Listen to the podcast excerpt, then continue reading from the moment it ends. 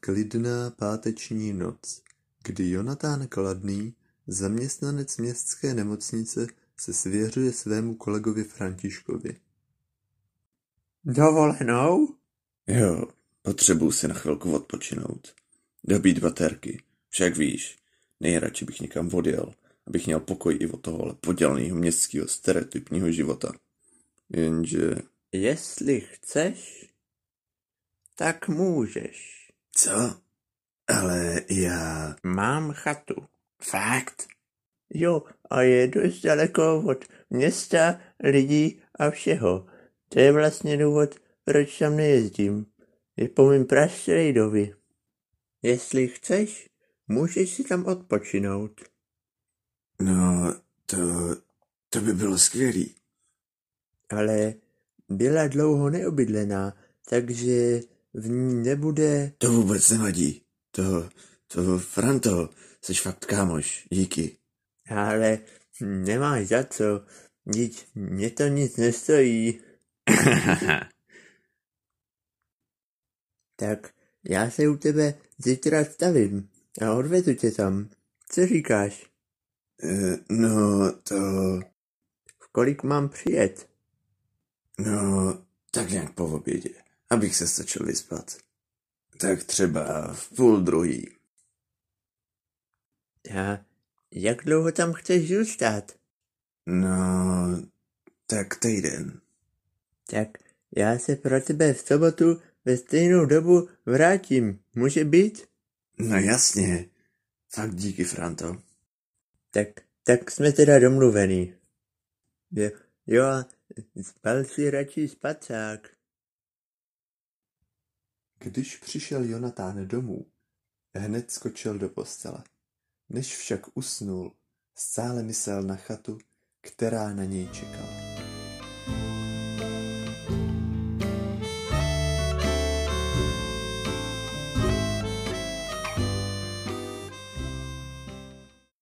Když se Jonatán vzbudil, bylo pár minut po osmé. Ze strachu, že zaspí, raději okamžitě vstal.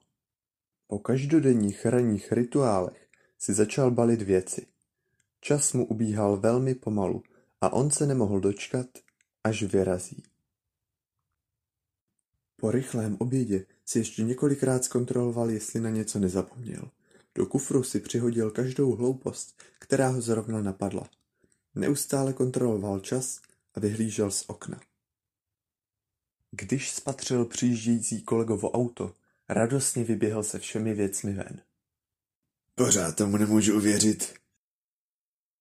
Myslím, že až ji uvidíš, tak ti to nadšení přejde. Když Jonathan naložil zavazadla do auta a posadil se na sedadlo spolujezdce, vyrazili. Okolí kolem auta se stále měnilo a Jonatán po celou cestu Františkovi pokládal otravné otázky na téma chata. Když přijeli na místo, byla už skoro tma, ale Jonatán i tak před sebou viděl starý dům s půdou. Tak, to je ona.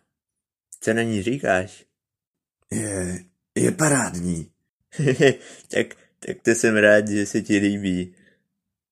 Před chatou stála ruční pumpa, kadibutka a lavička.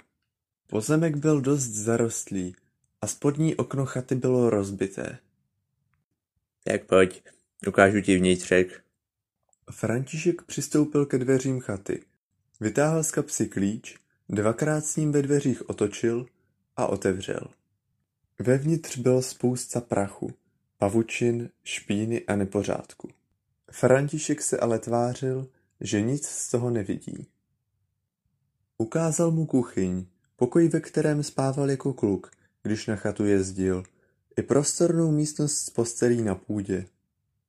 Pak vyšli zpět k autu. František mu podal zavazadla a řekl. Jestli budeš chtít, můžeš sem jezdit častěji. Ale však to ještě uvidíš. Zrutulnit si můžeš, jak budeš chtít. Pak František nasedl do auta a ještě dodal. Tak si to tady užij a já se pro tebe v sobotu vrátím. A pak František nastartoval a odjel. Když Jonatánovi zmizel z dohledu, sebral si svá zavazadla a vešel do domu. Tak, a co teď? Nepřemýšlel dlouho.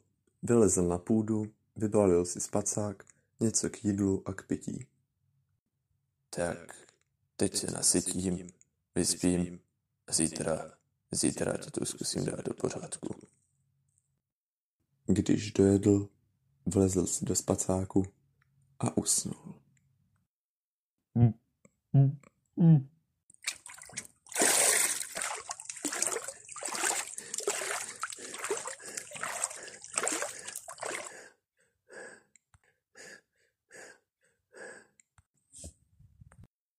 Co, co se stalo? Jak jsem se dostal do tohohle rybníka? Jonatán si všiml, že vedle něj, malou chvíli před ním, se z vody vyškrábalo podivné stvoření. Vypadalo docela humanoidně, až na nepřirozeně dlouhé ruce, přehnaně protáhlý trup, nadprůměrně vysokou protáhlou hlavu a na to, že jeho kůže byla vrázčitá, sliská a úplně černá. Teď stáli oba před rybníkem, uprostřed hustého lesa. Nejdříve se současně ohlédli vpravo, poté vlevo, zahleděli se rovně před sebe a společně vykročili do temného lesa. Mlčky procházeli lesem, přeskakovali spadené stromy, scházeli i vystupovali do kopců. Stále bok po boku kráčeli daným směrem. Jonatán si po několika minutách chůze začal všímat nenávistně vyhlížející divé zvěře, která byla rozmístěna po celém lese, ale s tvorem jdoucím vedle něj se cítil v bezpečí. Stromy začaly řídnout. Slunečního světla přibývalo, až když vyšli z lesa na jakýsi palouček, tak mu silně zasvítilo do očí. A to způsobilo, že se probudil. Rozhlédl se a zjistil, že se stále nachází na zaprášené půdě. Byla ještě tma a tak se Jonatán snažil ještě usnout. To se mu ale nepodařilo a tak vstal. Po snídani se dal do úklidu. S koštětem, které našel v kuchyni, nejdříve zametl na půdě, protože tam ho nepořádek rozčiloval nejvíc. Poté vyhodil staré prostěradlo a deku z půdní postele a hodil na ní svůj spacák, aby příští noc nemusel spát na zemi. Když se mu podařilo i toto, vyskládal si své věci vedle postele. Při úklidu zbytku domu se mu stále vybavoval ten podivný živý sen, který se mu zdál. Když se setmělo a na Jonatána padla únava, vlezl si do spacáku a usnul. Ohlédne se a vedle sebe spatřuje černé stvoření, za sebou les a před sebou louku. Černý tvor jen hledí rovno vpřed a po chvíli se dá znovu do chůze. Na louce se pohybovalo nebo jen nečinně sedělo či leželo několik zvláštních stvoření různého druhu. Jedno z mláďat s šupinatou hlavou tam pobíhalo s papírovým drakem v rukou. Všichni si užívali dobré nálady a krásného dne. Jonatán s Tvorem však dál kráčeli svým směrem k něčemu, co vypadalo jako vesnička těch podivných stvoření. Když jí procházeli, její obyvatelé si jich nevšímali, dál zametali před svými různotvarými domky a spokojeně si pobrukovali stejnou melodii. Když vyšli z vesničky, stály před nimi vysoké kamenné kopce. Bez zastavení je zdolávali jeden po druhém. Až stáli na předposledním, zahlédl za posledním kopcem dlouhý temný tunel. A jak hleděl do tmy v tunelu, otevřel oči a byl vzhůru. Tento den si Jonatán usmyslil, že se bude bavit věcmi, které si přivezl. Takže dopoledne strávil čtením a luštěním křížovek. Když se pak po obědě pustil do vybarvování antistresových omalovánek, jeho mysl se stále vracela k nedávným vzpomínkám jeho snů. Až ho i tato činnost omrzela, rozhodl se, že se půjde projít. Teple se proto oblékl a vyrazil.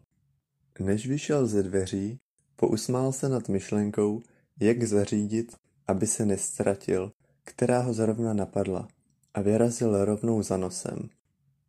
Moc dlouho se ale venku nezdržel, protože se rychle unavil a i přes teplé oblečení mu byla zima. Když se vrátil, tak si uvařil mátový čaj a během večeře ho popíjel.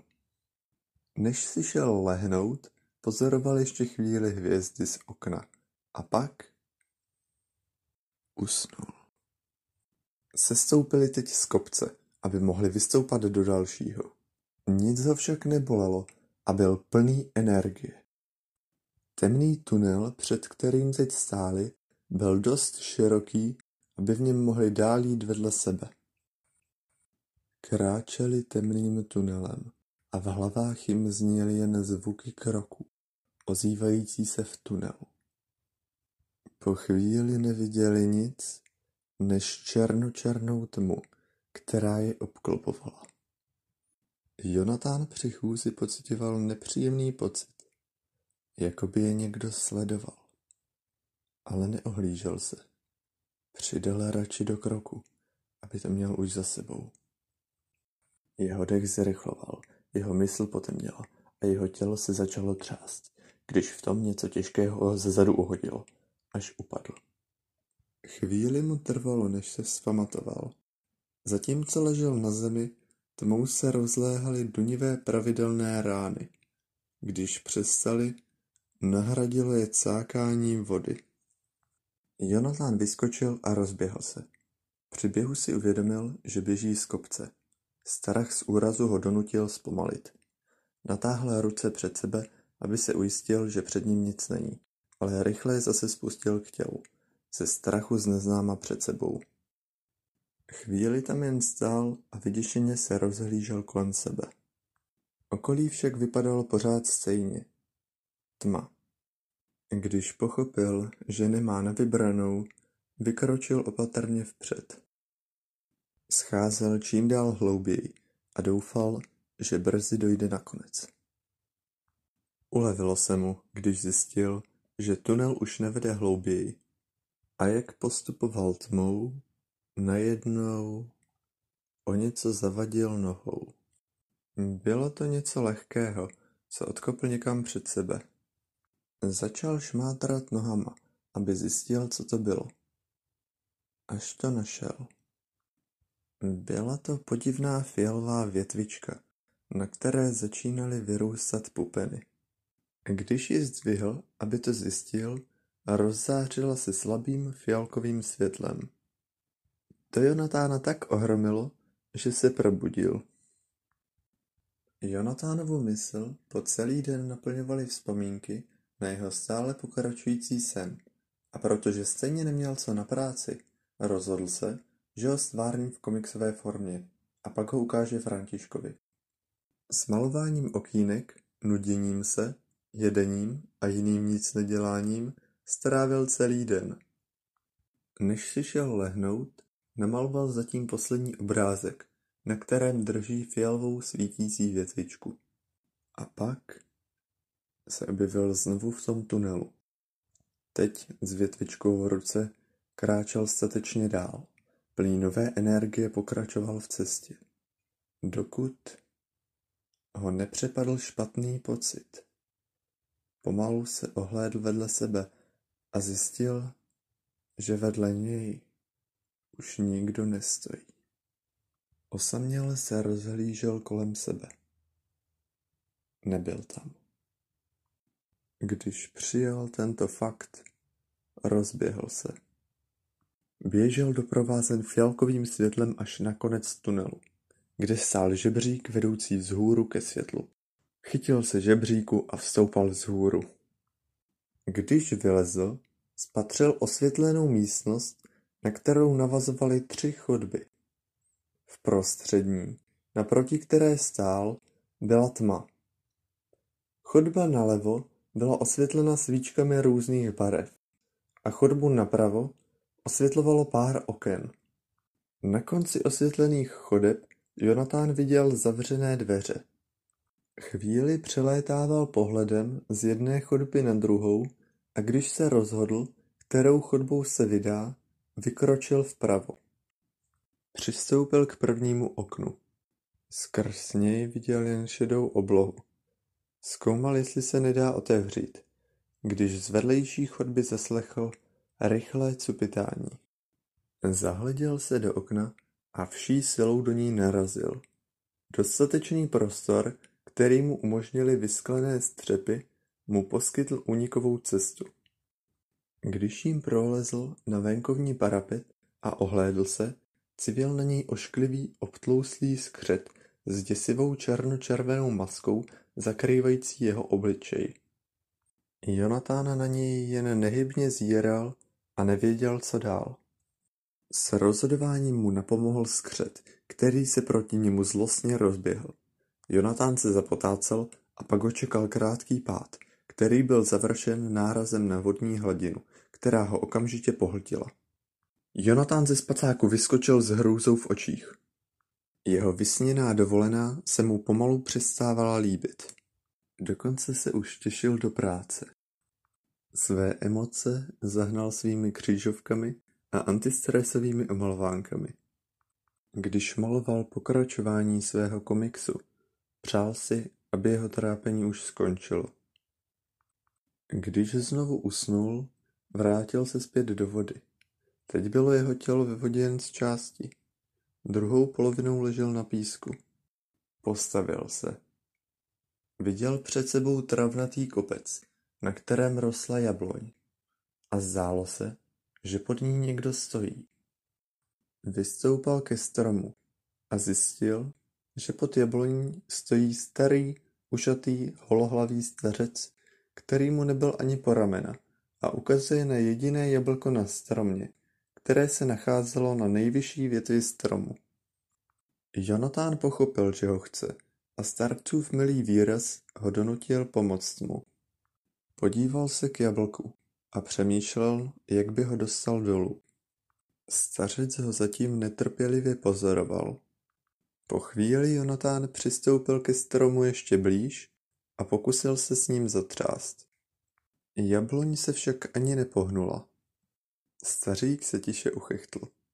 Jonatán si toho všiml a zamračil se na něj. Stařík znovu ukázal na jablko a čekal, co zkusí tentokrát. Jonatán se pevně chytil kmene a začal šplhat. Když byl asi metr nad zemí, ujela mu noha, odřel si o kůru ruce a spadl. Stařík se dal do hlasitého smíchu. Jonatán si prohlédl své poraněné ruce a pak staříka, který se mu vysmíval.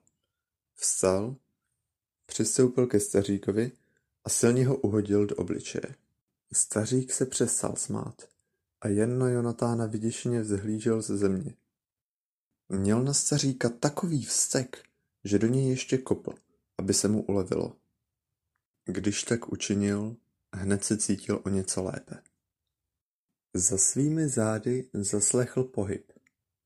Otočil se a uviděl černého tvora, který měl na těle pár vyhloubených prasklin, ale tvářil se spokojeně. Tvor ho obešel a klekl si ke starci. Jonatán si okamžitě klekl vedle něj. Tvor nešťastného starce chvíli pozoroval. A pak do něj tvor zaryl své drápy a vytrhl z něj kus masa a nadspal si ho do úst. Během přežvikování z něj vytrhl další maso. Stařík vřískal bolestí a Jonatán na to ohromeně hleděl. Když byl tvor sytý, vytrhl teď už z mrtvého staříka kus masa a s úsměvem ho podal Jonatánovi. Ten na něj pohlédl a bez váhání maso přijal a zakousl se do něj. V tom okamžiku se celý vyděšený probudil. Měl všeho dost. Nachystal si provaz, přivázal ho k trámu na půdě, zatímco stál na židli. Pak lano uvázal kolem svého krku a snažmo skočil. František si pro něj v sobotu přijel. Byl celý překvapený a vyděšený, když na půdě našel svého oběšeného kolegu a jeho nedokončený komiks.